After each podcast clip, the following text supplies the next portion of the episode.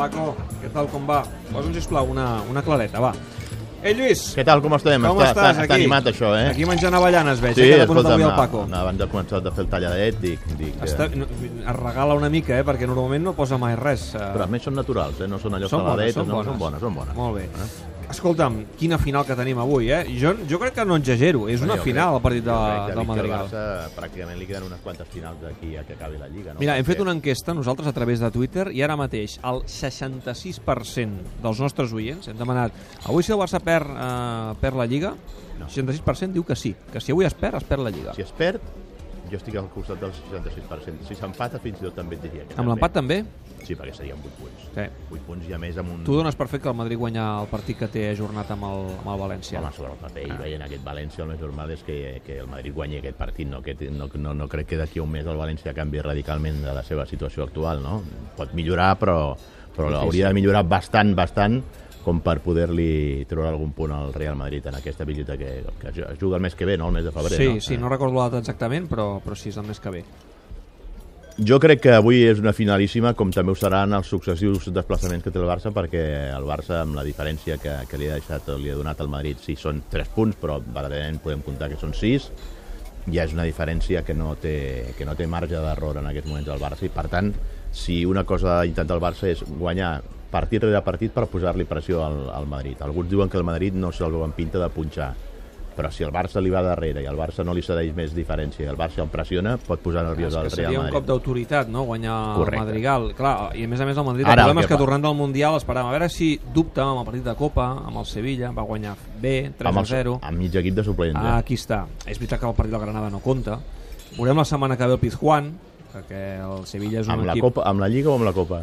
No, amb la Lliga, amb la Lliga. La Copa ja dono al, al Madrid per, per classificat.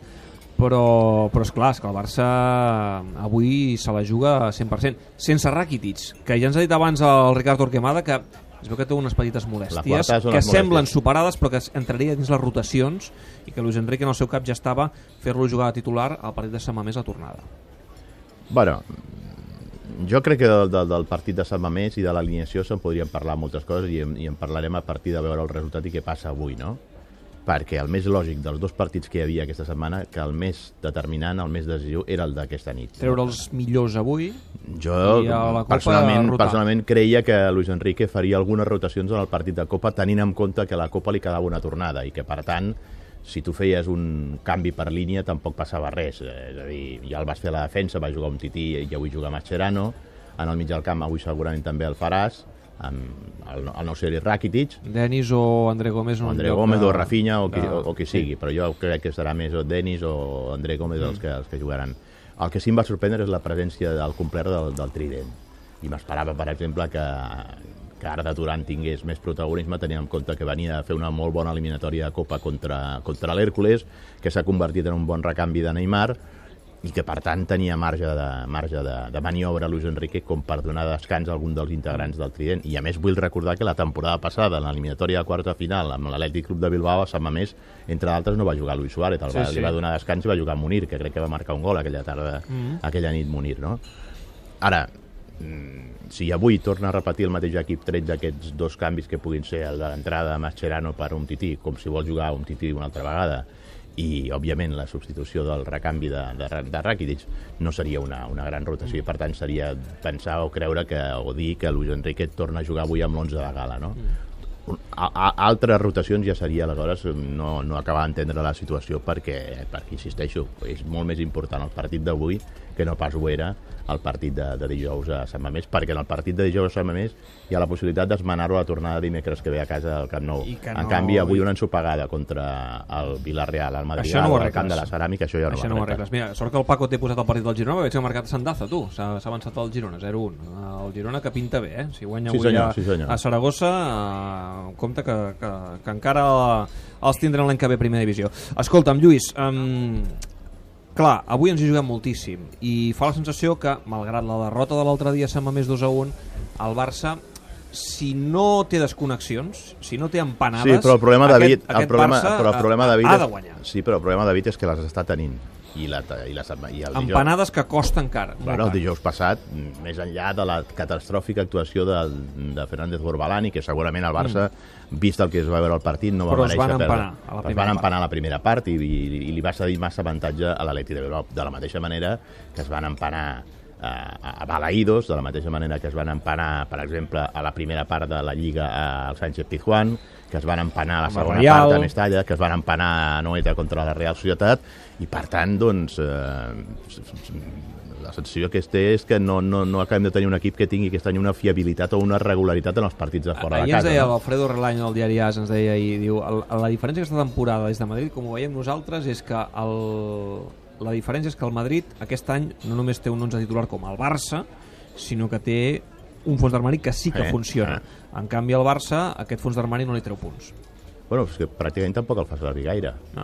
I la prova d'això és que l'hauria de fet servir dimec dijous passat contra l'Atlètic de Bilbao i no el va fer servir. Clar, si, si avui el Barça no guanya, se'n parlarà molt de Clar. l'alineació de Sant Per Mamés. això et dic, per això et dic que, que estem pendents del que passarà avui a Sant Mamés com per jutjar aquest pack de dos partits que són el de Sant Mamés i el de d'avui al, al, al Madrigal. I ja no et dic si això pot tenir també conseqüències de cara al partit de dimecres, perquè és de suposar que també dimecres per, per dur a terme aquesta mini remuntada entre cometes doncs també haurà d'emplear el, el superatons de la gala, no? Mm. Um, el culer està pendent uh, del que entregaran demà aquest trofeu, el The Best. De... Jo crec que el culer s'ho mira a Raül, Des de Madrid no? ja confirmen, ja diuen, ja asseguren que el guanya Cristiano, com era de preveure. Eh? Jo crec que el culer s'ho mira molt de Raül, perquè té també aquesta sensació que Cristiano s'ho endurà, no?